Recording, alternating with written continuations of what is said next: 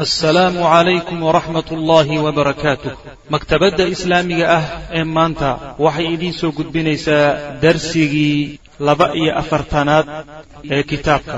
Kitaabu tawxiid lishaykh moxamed ibni cabdilwahaab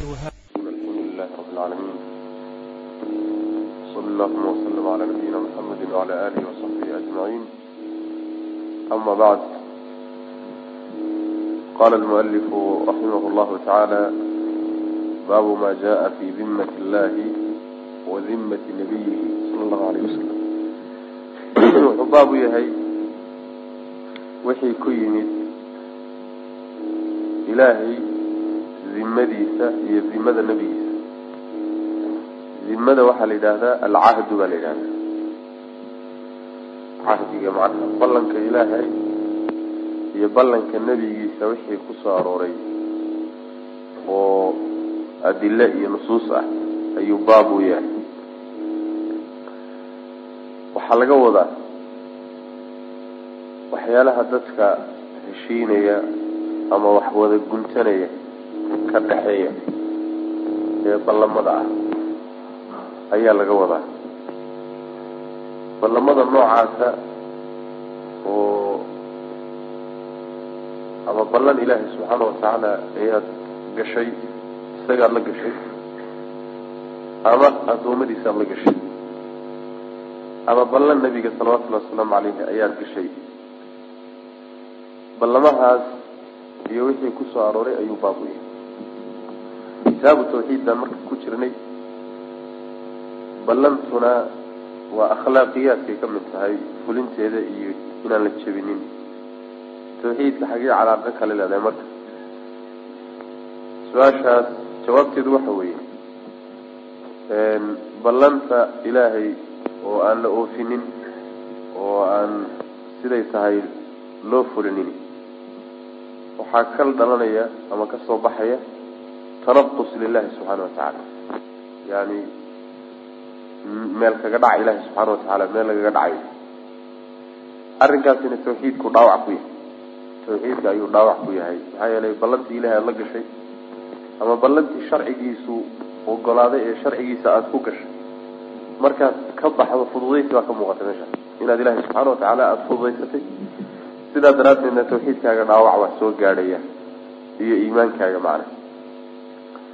Ballamaha marka waa fara badan yihiin yani cahdullahi cala alcibaad baa jira cahdullahi cahd lcibaadi cala allahi baa jira cahd rasuuli cala lumma baa jira cahd lummati cala rasuul. Intaaba waa jiraan macna ballan ilaahay uu leeyahayo addoommadiisa dushooda uu ku leeyahy oo ay ka galeen. Ballan ay la galeen oo inay fuliyaan loo baahan yahy ballantaasi waxa wey an yacbuduuhu walaa yushrikuu bihi shay-a inay keligii caabudaanoo aynan cidna wax la wadaajinin cidna ayna wax ugu darin alla subxana watacaala ballantaasi waatay addoommadu qaadeenoo ilahay ay ka qaadeen subxana watacaala isaguna ballan buu ka qaaday.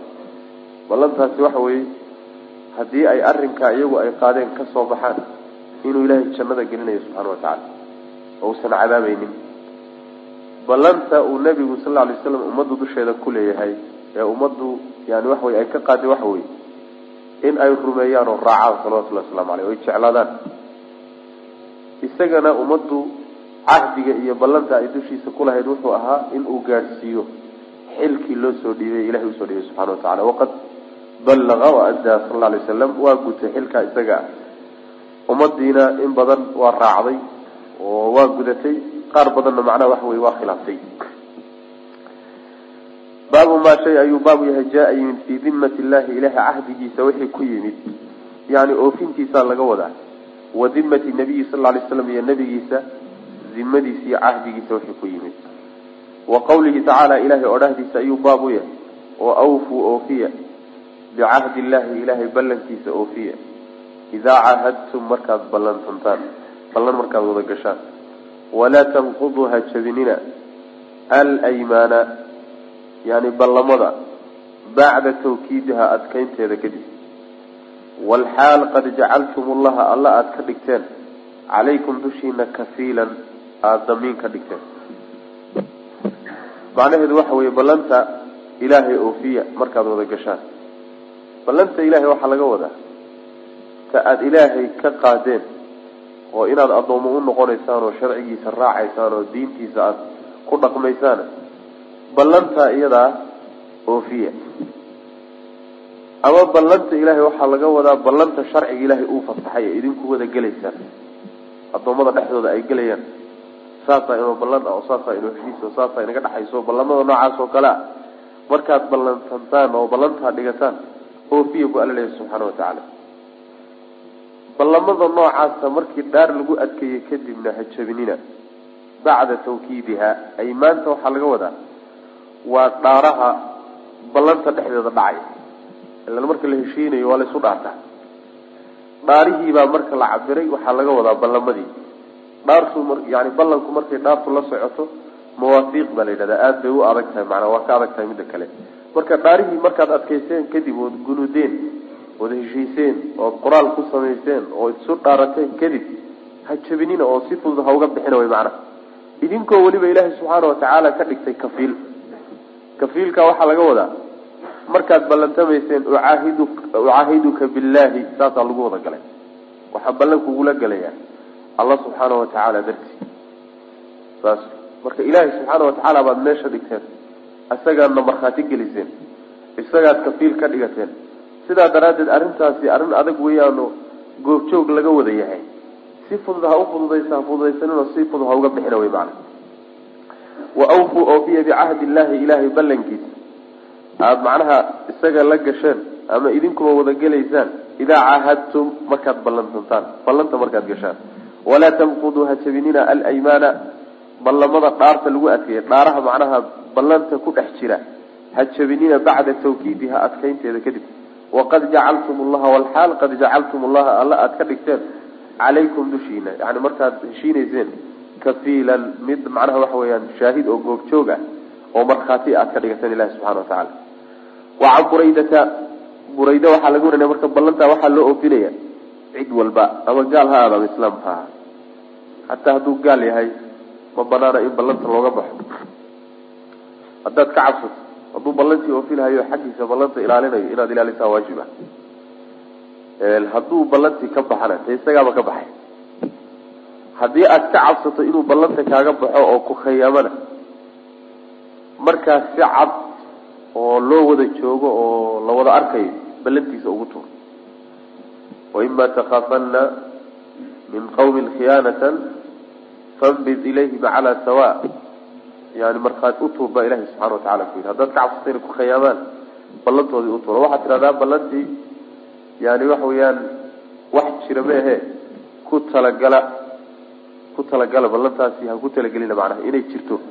Waxaa yani ha ku talagelina waxaad ku talagashaan inayna ballan inaga inaga dhexaynin marka si cad oo aada u siman tihiin adigiyo iyaga ugu tuur bu ilahi ku yihi subxaana watacaala laakiin inaad ballanta dhexdeeda ku khayaanto oo intay isdhigtaan oo aad yani waxa weye isaga dhigto wax ballantii ku jira. Haddana inaad ballantaa ku khayaantiyo ilahay magaciisa iyo sharcigiisa kaasaa la diidan yahay macana xataa gaalaha aadeen wa can buraydata burayda waxaa laga warinaya qaala wuxuu yihi waxaa ka gedisan gaaladu haddayna xarbi ahayn. Gaalada haday xarbi xarbi tahay oo dagaal lagula jiro oo muslimiinta dagaal uu ka dhexeeya markaasi waxa weeyaan alxarbu khudca waay. Dagaalku sidiisaba macnaha waxa wey waa waa xeelad marka qaab alla qaabkaad u xeeladaysan karto ood u doomarsayn karto oo dhib u gaadhsiin karto oo baafuran. Ee gaalka laga hadlayo waa mucaahadka wey midka cahdiga iyo ballanta kula jirna wa can buraydata burayda waxaa laga warinaya.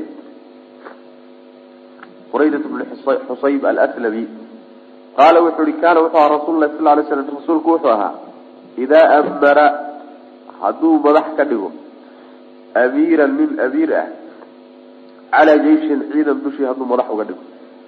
Aw sariyatin ciidan yar oo gaadma ah ama ciidan oo sahan ah.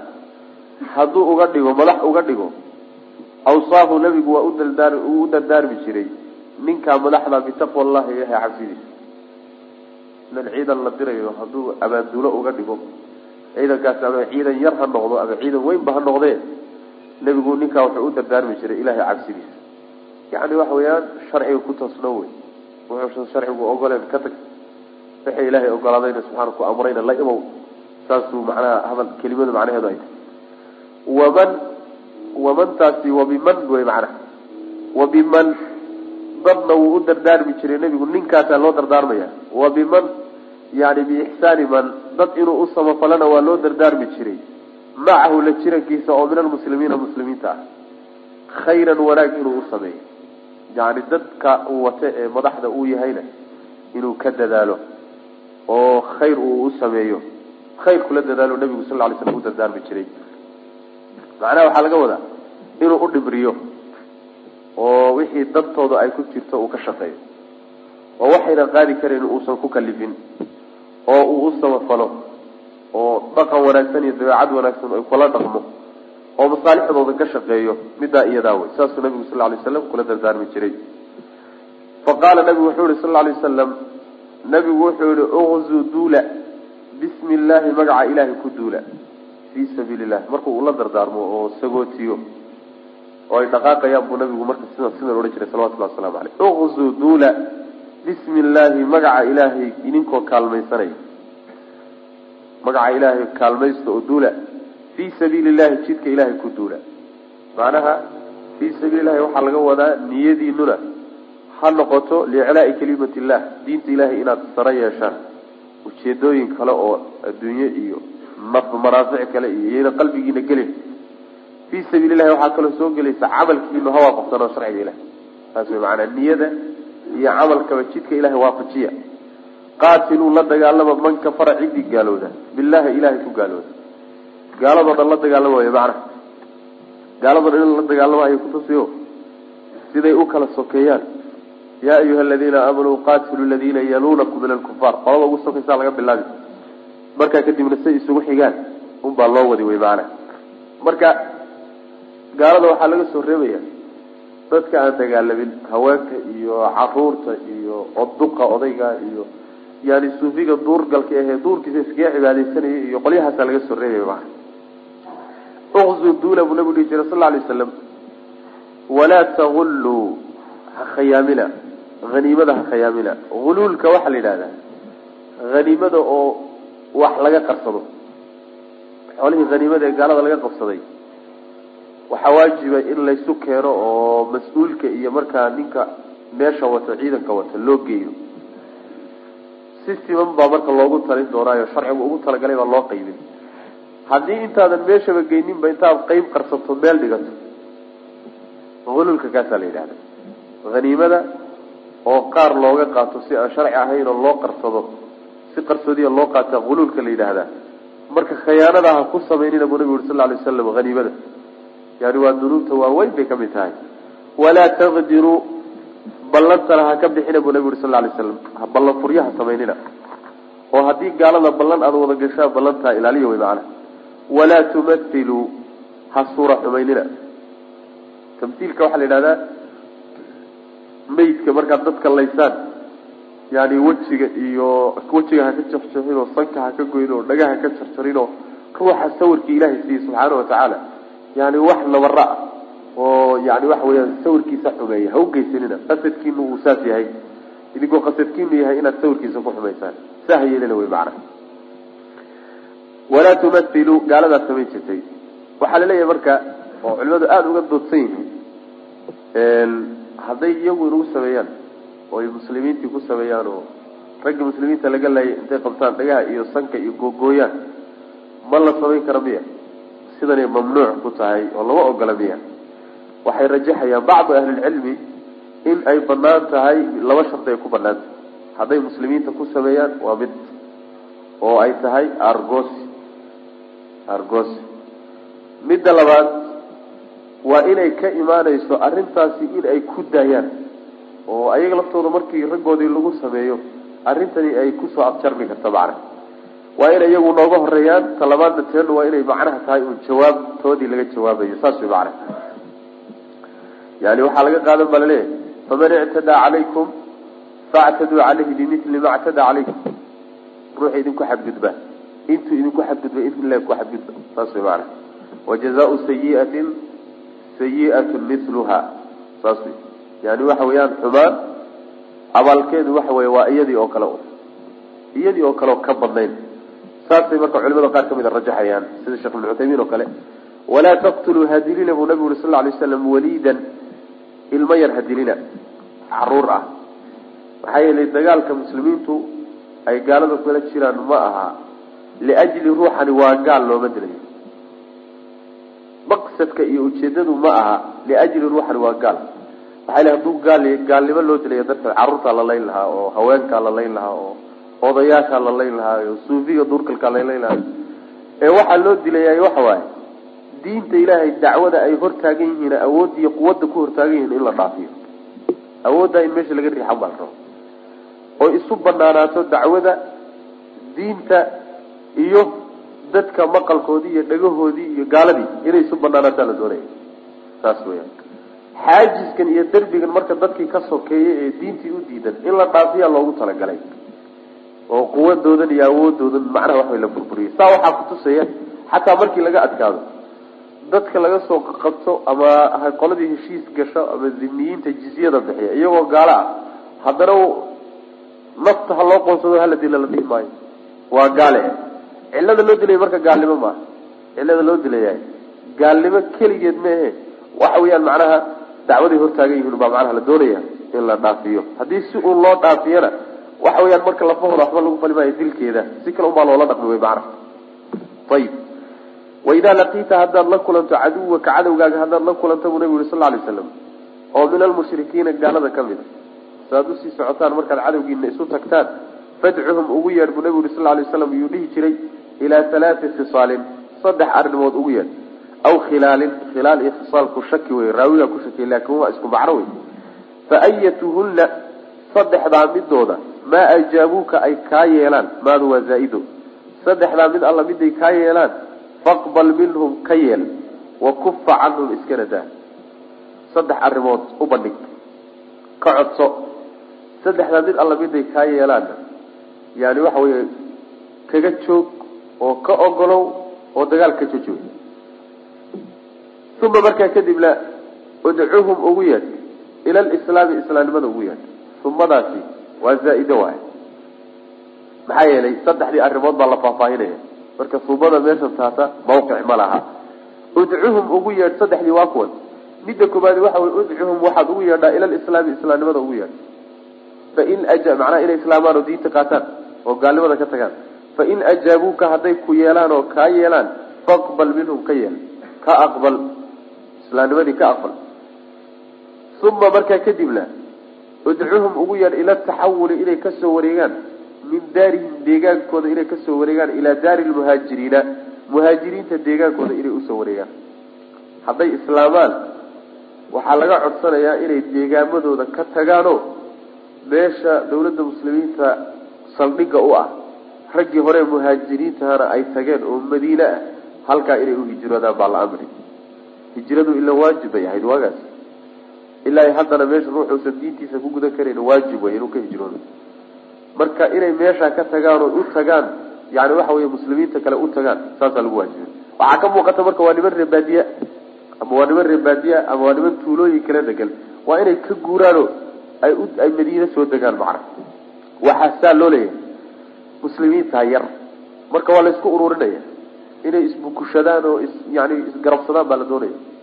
Inay awoodooda muuqato oo macnaha waxa wey isweheshadaan saasaa meesha ka soo baxaysa marka inay ka soo wareegaan deegaankooda ay deegaanka muhaajiriinta yimaadaan madiina laga wadaayo.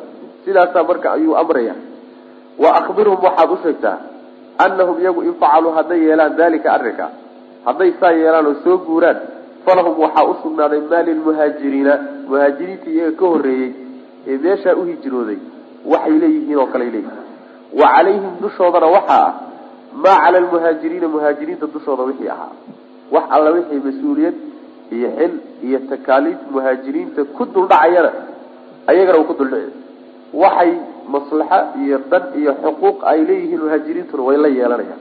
Waa hadday guuraano meeshaa ay degaan wey macna ayib fa in abow hadday diidaan way islaameen nimankii.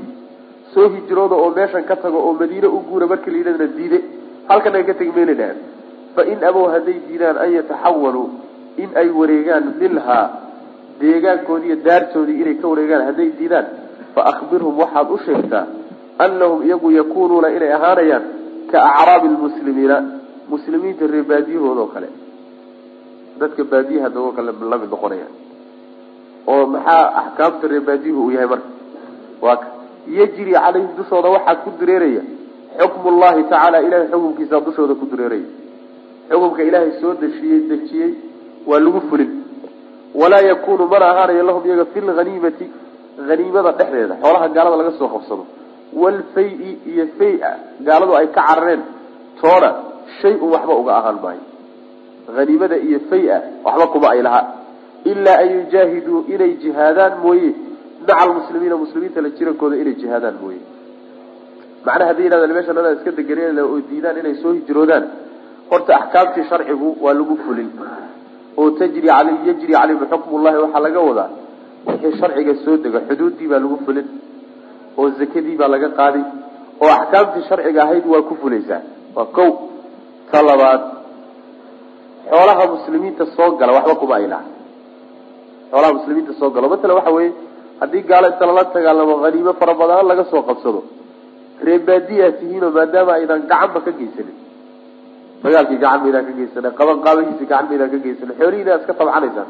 Oo baadiyaad iska degantihin tuulooyinkiina iska degantihin waxba kuma lihidin wixii meeshaa laga soo helo. Fay haddii la soo helo sidoo kale waxba kuma ilaha fayga waxaa la yidhahda iyo haniimada waxay kala hal farqi baa udhexeeya haniimada xooga gaalada wax xoog lagaga qaata la yidhahda faygana waxaa la yidhahdaa wixii ay iyagu lafahooda ka cararay ka hore dagaal baa lagu qabsaday. Kan dambe laakiin iyagaa lafahooda uga cararay waxaa la soo gudageliyaa faygaas jizyada jizyada ay dimiyiintu bixiyaan ayadana waa la soo gudageliya culimada qaar baa dhexgeliya marka xoolaha muslimiinta soo gelaya ee dawladda soo gelaya ee dadweynaha loogu talagalay waxba ku yeelan maayaan xaq kuma ay laha macna hadday soo guuri waayaan ilaa inay jihaadaan oo muslimiinta ay ka garab jihaadaan mooyaane. Hadday muslimiinta la jihaadaan oo dagaalka wax ka galaan hade haniimaday wax ku yeelanayaan markaa way macna. Intaasi waa goorma. Intaasi waa hal khiyaar wey khiyaarka hore islaamnimada hadday qaataan wa soo guuraa la odhanaya. Hadday soo guuri waayaan xuquuqday leeyihiin iyo waxa dushooda ku fulhayaan laynoo sheegay. Waxaa inoo laabnaa khiyaarkiis labaad ee uu u bandhigi lahaa. Hadday islaamnimada diidaan fa in hum ayagu abow hadday diidaan inay islaamaan nimankii gaaladeed kulanteen fas'alhum waxaad weydiisataa aljizyata gibir. Jizyada waxaa la yidhahdaa waa xoolo dadka laga qaado dadka laga qaadaa macnaha ayib gaalada ah ee dawladda muslimiinta ku hoos nool. Xoolaha laga qaadayana waxaa bedelkooda lagu siinaya waa lagu ilaalinaya. Yani difaaca bay mudan yihiin xoolahoodii iyo dhiigoodii iyo xuquuqdoodii in lagu ilaaliyay mudan yihiin. Yani waxa weeyaan iyagu dagaaladii muslimiintu galahayeen iyo difaacii wadanka ay ugu jireen iyo qeyb saas ka qaadan maayaan. Yani bimanzilati waxay ka dhigan tahay muslimiinta soo zake lagama qaado. Zakada muslimiinta laga qaaday xoolahooda laga qaado.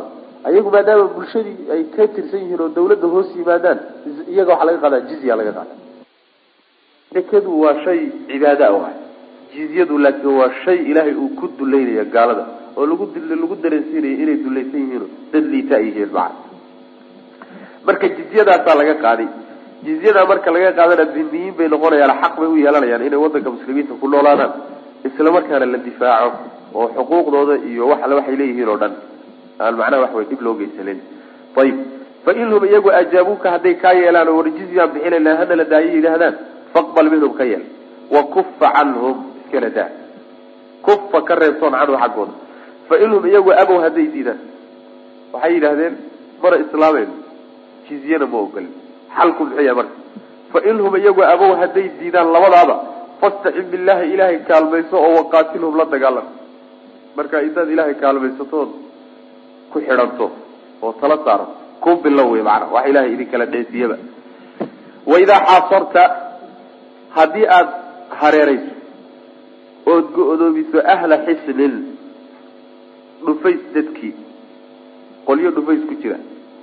Xisniga waxaa la yidhahdaa dhufaysyada kor guryaha dushooda laga sameeyo yani dhufaysyada dhulka hadda laga qodaa laakiin waagii hore waxay u badnaan jireen in yani guryaha dushooda laga sameeyo halkaa laga sameeyo macana marka qolyo meel degan oo dhufaysyo samaystay oo derbiye isku wareejiyey oo meel isku ilaaliyey haddii aad xisaar ku samayso xisaarka waxaa la yidhahdaa cidhiidi in aada geliso ood go-doomiso oo inay baxaanna aada u diido in loo soo galana aada diido ood isku hareerayso oo fa araaduuka ay kaa codsadaan oy kaa doonaan an tajcala inaad yeesho lahum iyaga dimmat allahi ilaahay ammaangelintiisa ballan ilaahay iyo wa dimmata nebiyi nebigiisa yani cahdigiisa iyo ballankiisa inaad u yeesho hadday kaa codsadaan falaa tajcal ha yeelin. Lahum iyaga ha u yeelin dimmat allahi ilaahay ballantiisa ha siinin. Wa dimmata nabiyihi nebigiisa ballantiisana ha siinin oo hala gelin. Walaakin ijcal waxaase u yeeshaa lahum iyaga dimmataka adiga ballantaada. Wa dimmata asxaabika iyo ragga kula socda ballantiisa macna. Intii lala socoto ballan la gala laakiin ballan ilaahay iyo ballan rasuul hala gelin wey macna. Saa ha kula gelin. Maxaa loogula geli lahay? Maxaa yeelay ballanta ilaahay iyo ta nebigu sal alay wasalam way culus tahay tiina laakiin qolada aada madaxda ka tahay intiina muslimiinta ballantaad gashaan oo magaciina ku gashaani way ka fududahay. Fa in lakum adug idinku in takfuruu in aad haddii aada jabisaan an takfuru sooma an sooma idin qoray fa in lakum idinku an takfuruu in aada jabisaan dimamakum ballamihiina inaad ka baxdaan wa dimmata asxaabikum iyo saaxiibadiin iyo ragga aada wadato ballantooda aada ka baxdo ballanta magacooda lagu galay inaad ka baxdaan oo jebisaan ayaa ahwanu waxay ka fududahay min an takfiruu in aada jebisaan dimmat allahi ilaahay ballantiisa wa dimmata nabiyihi sal alay slam iyo nabiga ballantiisa. Saas way maanaa haddaad qolo u tagto oo qoladaas intaad hareereyso markay isu yaabaan ay ku yidhahdaan wariyow nala heshii oo ballan nala gal. Ballanta aada la gelaysaay qaabkaad ula gelaysa yuusan noqonin waxaan idinkula gelayaa ilaahay ballantiisa iyo nebigiisa ballantiisa sal alay wasalam ayaan idinla gelayaa saa ha odhane laakiin waxaad tidhahdaa anigiyo ragga ila socda ballantaana oo annaga naga socotaanu idinla gelaynaa maxay ku kala gedisan yihiin. Waxay ku kala gedisan yihiin berrito waxaa suurowda ballantaa inaad khaldataanoo si uun uga baxdaan si uun. Ama qaar idinka idin ka mid a inay khaldamaan ama macnaha waxa weye mid kaleba intuu yimaado muslimiintaoo ka warhaynin ballanti inuu meel kaga dhaco. Sidaa daraaddeed ballan idinka xaggiina ka timid oo magaciina lagu galay in aada jebisaan ood meel kaga dhacdaan yaa ka fudud tu ilaahay aada magaciisa ku gasheen ama nebigiisa aada ku gasheen yani waxa weye jebinteeda saa daraaddeed ha ku gelina buu nabigu leh salawatullahi waslamu caleyh saasaa marka fiican. Saasaa fiican. Tii ilaahay baan kula gelayaa inaad tidhaahdo hoogaa adayg baa ku jira. Saasuu marka nabigu sal alay waslam uu baraya ummadda waidaa xaasarta haddaad hareereyso ahla xisnin dad iyaguna dhufays ku jira haddaad hareereyso ood macnaha waxa weye cidhiidhi geliso oo fa araaduuka ay kaa doonaan an tanzilahum an tunzilahum in aad ku dejiso calaa xukmi illahi ilahay xukumkiisa xukumka ilaahay baanu rabnaayo hana lagu dejiyo falaa tunzilhum ha ku dejina walaakin anzilhum waxaase ku dejisaa calaa xukmika adiga xukumkaaga ku deji. Adigu xukumka iyo ijtihaadkaaga iyo dadaalkaaga ayaan idinku xukumi ku dheh maxaa yeelay fa inaka adigu laa tadri ma ogid. Atusiibu miyaad heli doo miyaad haleeli doontaa? Xukma fiihim dhexdooda xukm allahi ilah xukumkiisa am laa mise ma asiibi doonta xukumka ilahay inaad asiibiyo in kale garan mayside. Xukumka ilahay baan idinku xukumaya marna hadhihi. Rawahu muslim baa wariya xadiid. Qaybta dambena waxa waaye hadday ku yidhahdaan markaad hareereyso wariga waxaanu diyaar u nahay wixii ilaahay lagu xukumayo oo xukumka ilaahay uu qabo in nala baryaanu diyaar u nahay. Ee ilaahay xukumkiisa nasaar oo nagu xukum. Ha ku xukumin xukumka ilaahay baan idinku xukumayaa ha dhihine. Xukumkaygaan idinku xukumayaa xukumkayga ayaan idinku xukumayaa. Xukumkaaga ku dejiyo ku xukum. Macnaha xukumkaaga waxaad adigu maskaxdaada kala timid oo yani ijtihaadkaaga iyo qiyaaskaaga iyo caqligaaga kula timid lagama wada waxaa laga wadaa wixii ilaahay ku haleeshiiyo. Oo diinta ilaahay aada ka fahamsan tahay ku xukum laakiin hadalka hagaajiyo sharcigii ilaahay iyo diintii ilaahay baan idinku xukumaya. Waxaa laga yaabaa intaad saa tidhaahdo haddana sharciga ilaahay inaad garan weydood ku khaldanto ijtihaadkaagu inuu khaldamo.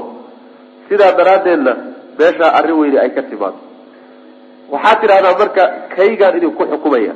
Kaygaan idinku xukumayana ha noqoto diintii markaad dadaashood ijtihaado wixii ilaahay kaa waafajiyo markaa ku xukum marka kaygaan kugu xukuminaya intaad tidhi aada ku khaldantay ninkiisii ku khaldamay maad noqotay kii ilahay mid ku khaldamay maada noqonin wy maana marka. Kii ilaahay mid ku khaldamay maada noqonin sidaasi marka hadalkaas waxay culimadu isweydiinayaan. Weli miyuu taagan yahay? Mise intii waxyigu degahayay unbuu arrinkani jiray oo nebigu noolaa salawatullahi wasalaamu caleyh sheekh ibnu cuthaymiin wuxuu leeyahay intuu nebigu noolaa salawatullahi wasalaamu caleyhi unbay sidan ahayd.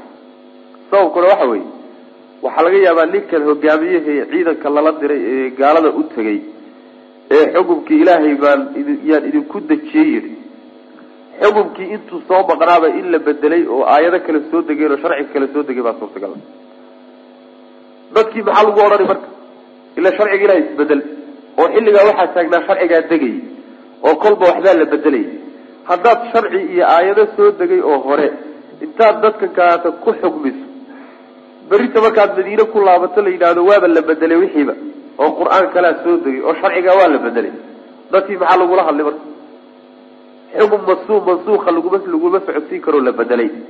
Haddii la yidhahdo warkii hore la bedelna ballantiiyo looga baxay bay noqonaysaa xukunkii ilahay yani waxa way xukunkii lala galay ila kii ilahay baa lagula galay.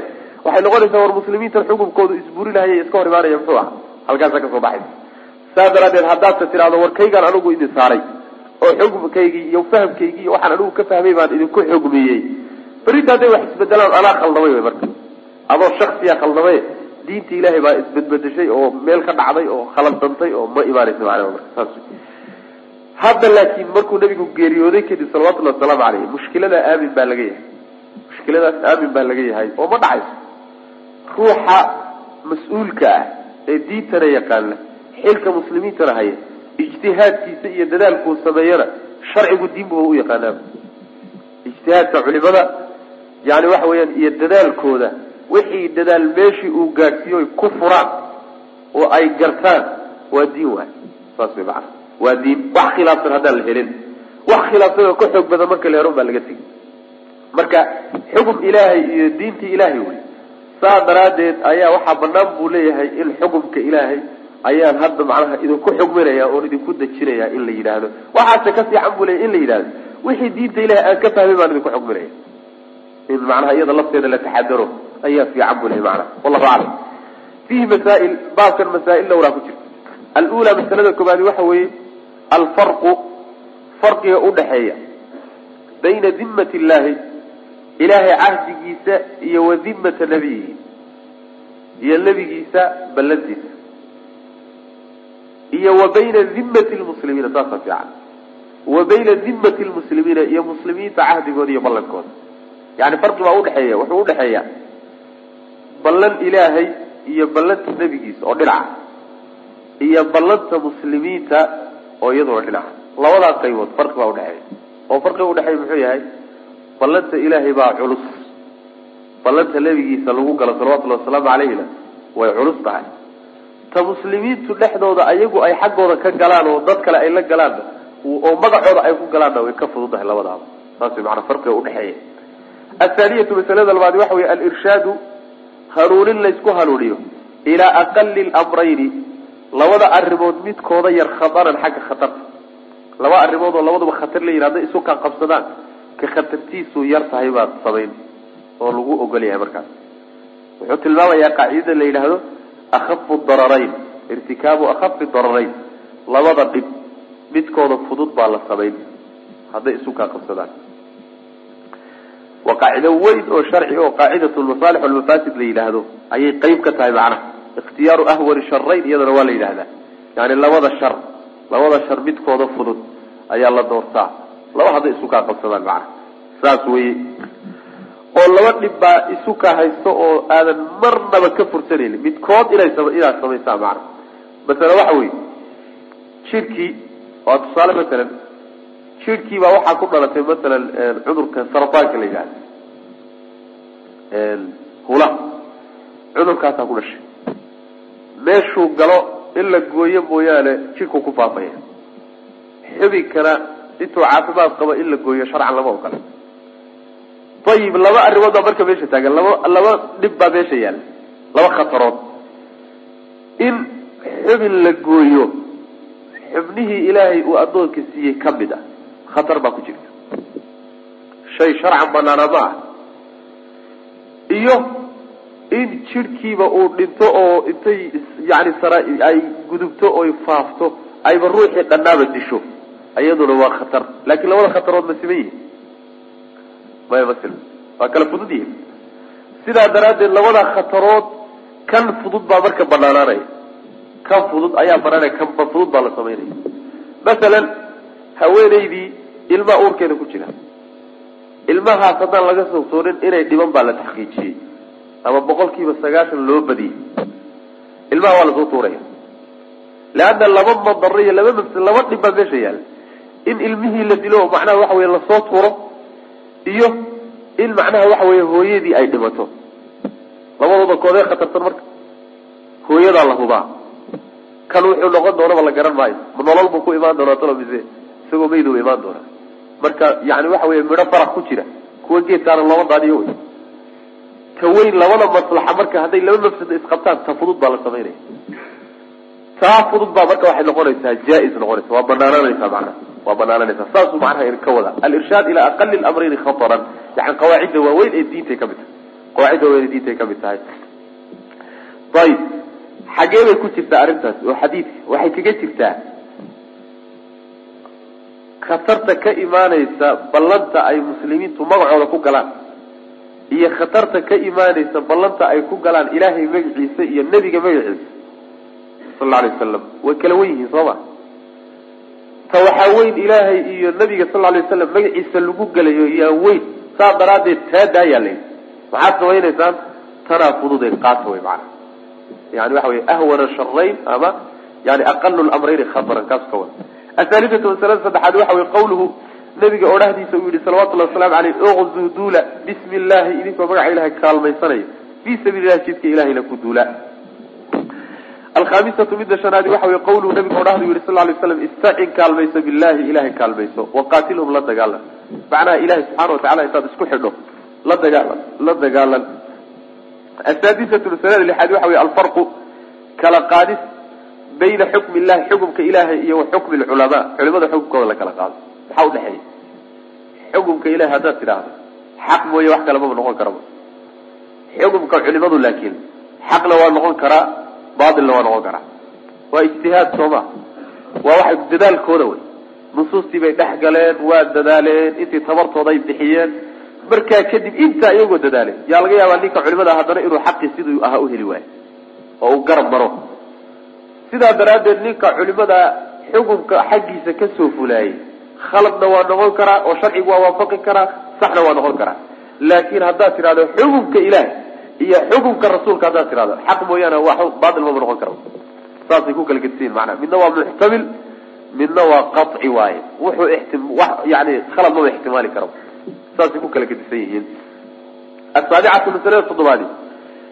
Waxa weye fi kawni saxaabiyi saxaabigii ahaanshihiisa uu yahay yaxkumu mid xukminaya cinda alxaajati markii loo baahdo bixukmin xukm ayuu ku xukminaya xukunkaasoo laa yadri uusan ogeyn ayuwaafiqu ma waafaqaya xukm allahi ilahay xukunkiisa miyuu waafaqaya? Am laa mise miyuu waafaqaya saxaabigii haddii loo baahdo oo shaygan xugum loogu baahdo xukumkiina uusan markaasi hubin talow sharciga ilahay ma waafaqi doonto mise ma waafaqi doonto inuu xukmin karo. Asaga oo garanayni talow ma waafaqi doonta mise ma waafaqi doonta macnaha waxa weeye ibni aadamka ilaahay wuxuu ku kalifay ijtihaad. Ijtihaadka waa inuu ehel u yahay oo uu yani wixii lagu ijtihaadi lahayo cilmigeedii leeyahay haddana masaladu markay ku timaado inuu ijtihaado sharciga ku laabto. Wixii ilaahay sharcigaa ka garansiiyo inuu macnaha markaa ku xugmiyo hadduu waafaqana laba ajir buu leeyahy hadduu waafaqi waayo ku khaldamana hal ajri buu leeyahy meel la'aan marna ma dhacay. Laakiin dadkii loo ijtihaaday ee ninka culimadaa u ijtihaaday hadday markaa kadib ama nin kaloo culimaa ka ogaadaan ama iyagoo sharcigii bartayba ogaadaan inuu ninkaa culimadii ku khaldamay masalada inay garab maraan oo sharcigii markaa raacaan. Leanna isaga wuu dadaalay ajir unbauna ku tegay oo macnaha waxa weeye laba gooraba ajir buu la tegay wy macana marka saxaabada keliyatana ma ahee culimada mujtahidiinta o dhan baa saas. Masaladii ku timaada waxay un ilahay diinta ka garansiiya ku xugminayaan ayagoo markaa aan hubin sharciga ilahay ma waafaqi doonta mise ma waafaqi doonta laakin halabatu dani halabatu dani waxa la yhahda yani malahaagu hadduu saa u bato ood malaha u badiso inaad sharcigii waafaqsantaho sharcig arrintan sharciga waafaqsan tahay malaha dhankaa u batay baad wax ku xugminaysa malaha iyo yaqiintuna labaduba sharcigu waa muctabar waay sibaa macnaha loo ictibaariyaa saas weeyaan baabu maa jaa wixii yimid buu baa u yahay fi liqsaami dhaarasho cala allahi ilahay dushiisa lagu dhaarto iqsaamu cala allahi waxaa laga wadaa ruuxu inuu yidhaahdo ilaahay baan ku dhaartay inuusan alla saa samayneyn ama inuu sidaas samaynin. Ilahay wuxuu samaynayay inuu addoonka ku dhaarto saasaa la yidhahda aliqsaam cala allah. Munaasabada tawxiidka uu laleeyahy waxa weeye yacni waxoogaa waxaa ku yara jira. Ruuxu wuxuusan ogeyn.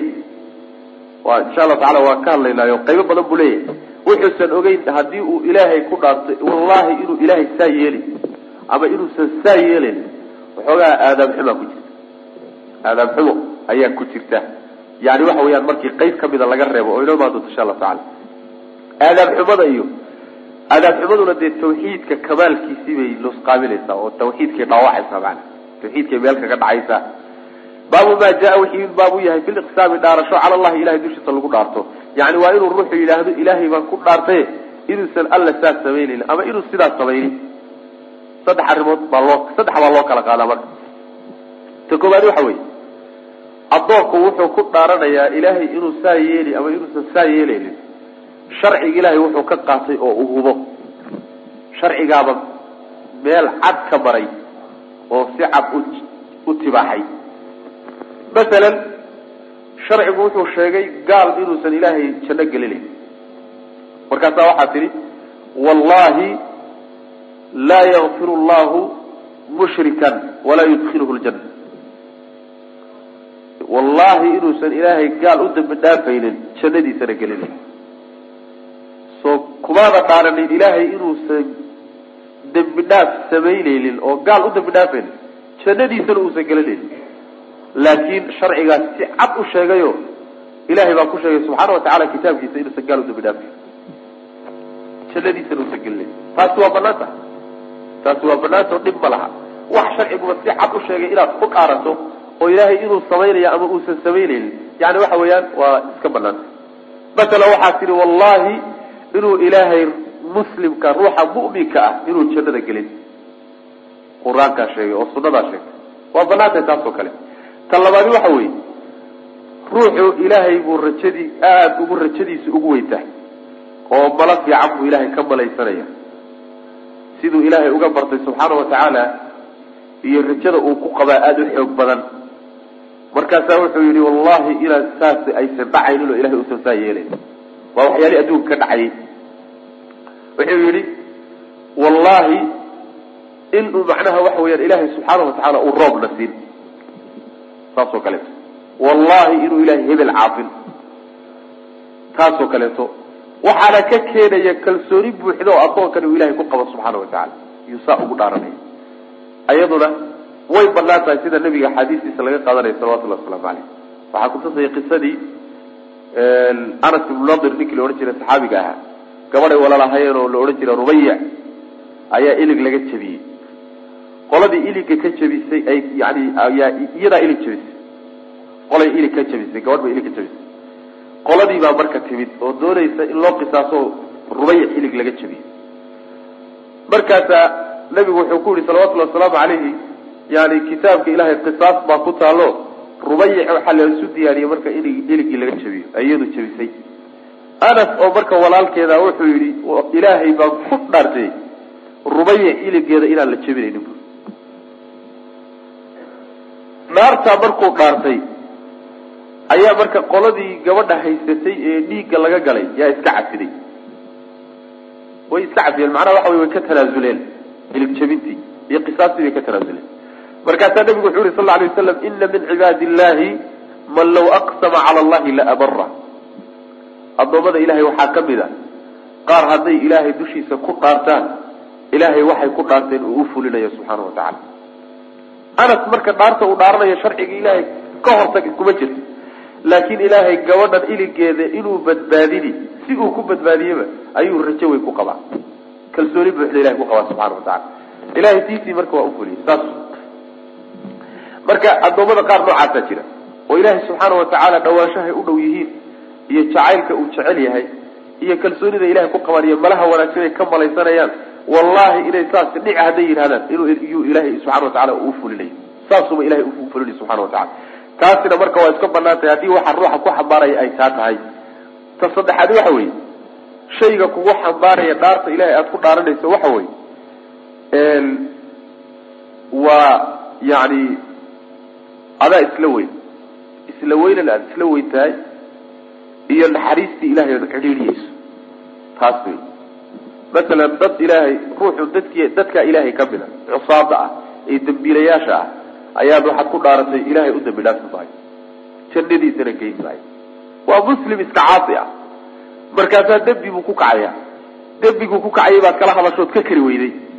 Markaad ka kari weyday baad tidhi walle ilaahay inuusan kuu dambi dhaafayni janno ilahayna aadan gelaynin kacso caad ku tir taasoo kaleeto wey halis wey midaas baabka midda sheekhu uu gutay ugu talagalay middaa wey marka.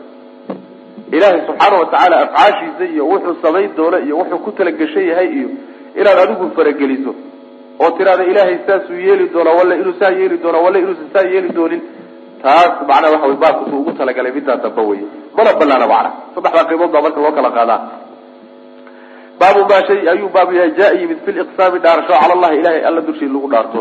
Can jundabin jundub iyo jundab labada waa la yidhahdaa can jundub ibni cabdillahi waxaa laga warinaya radi allahu canhu qaala wuxuu yihi qaala rasulu lahi sal lay slam rasuulku wuxuu yihi qaala rajulu nin baa wuxuu yihi wallahi ilahay baan ku dhaartay laa yakfir llahu ilaahay u dhaaf maayo lifulanin hebel.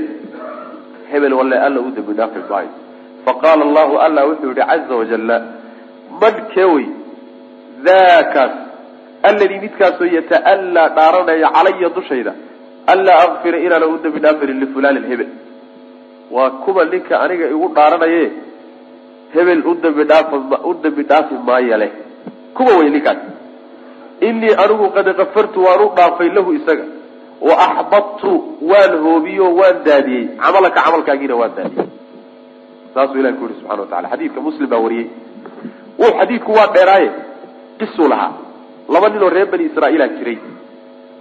Labada nin nin wuxuu ahaa mujtahid fi lcibaada nin cibaado badan oo dadaal badan oo dikriga ilahay cibaadada aada ugu dadaalu ahaa. Khayr badan. Ninna nin iska caasi u ahaa. Laba nin oo walaalo ana u ahayn kan marka wanaagga badan ee cibaadada badan ee dadaalka badan ayaa kaa caasigae dembiilaha mar alla markuu arkaba wuxuu odhan jiray war ilaahay ka cabso waxar iska daa. War dembiga ka soo gaabso. War ilaahay u toobadkeen.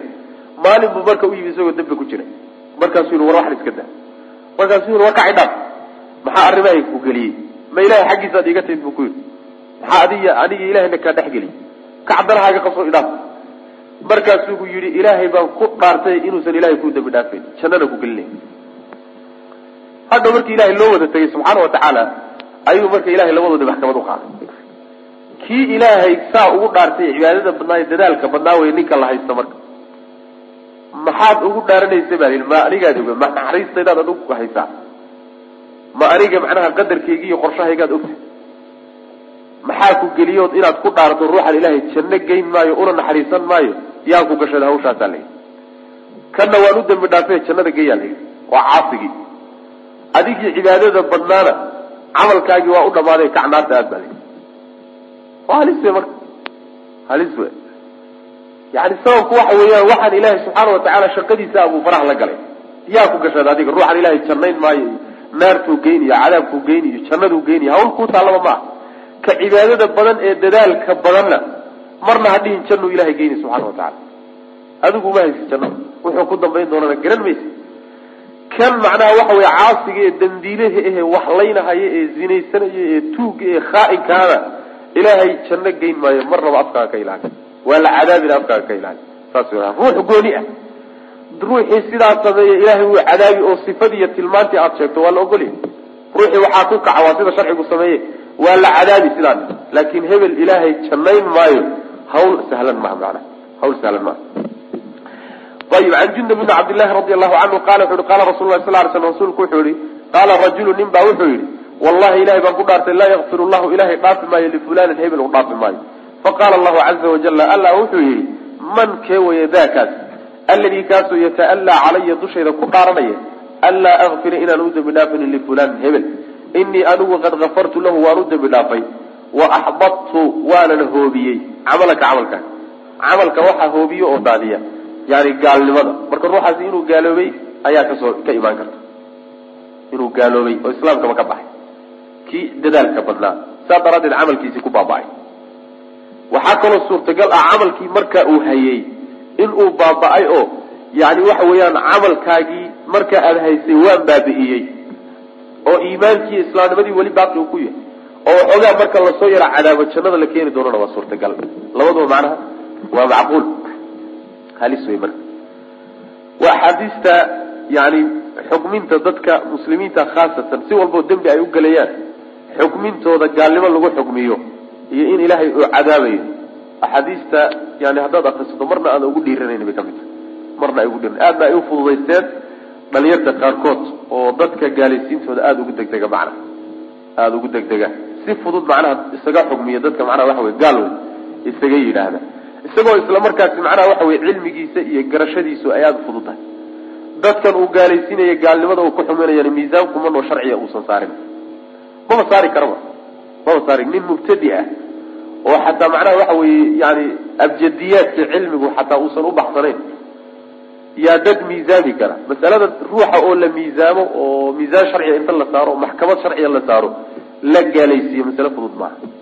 Bacdamaa inuu muslim ahaa la hubay.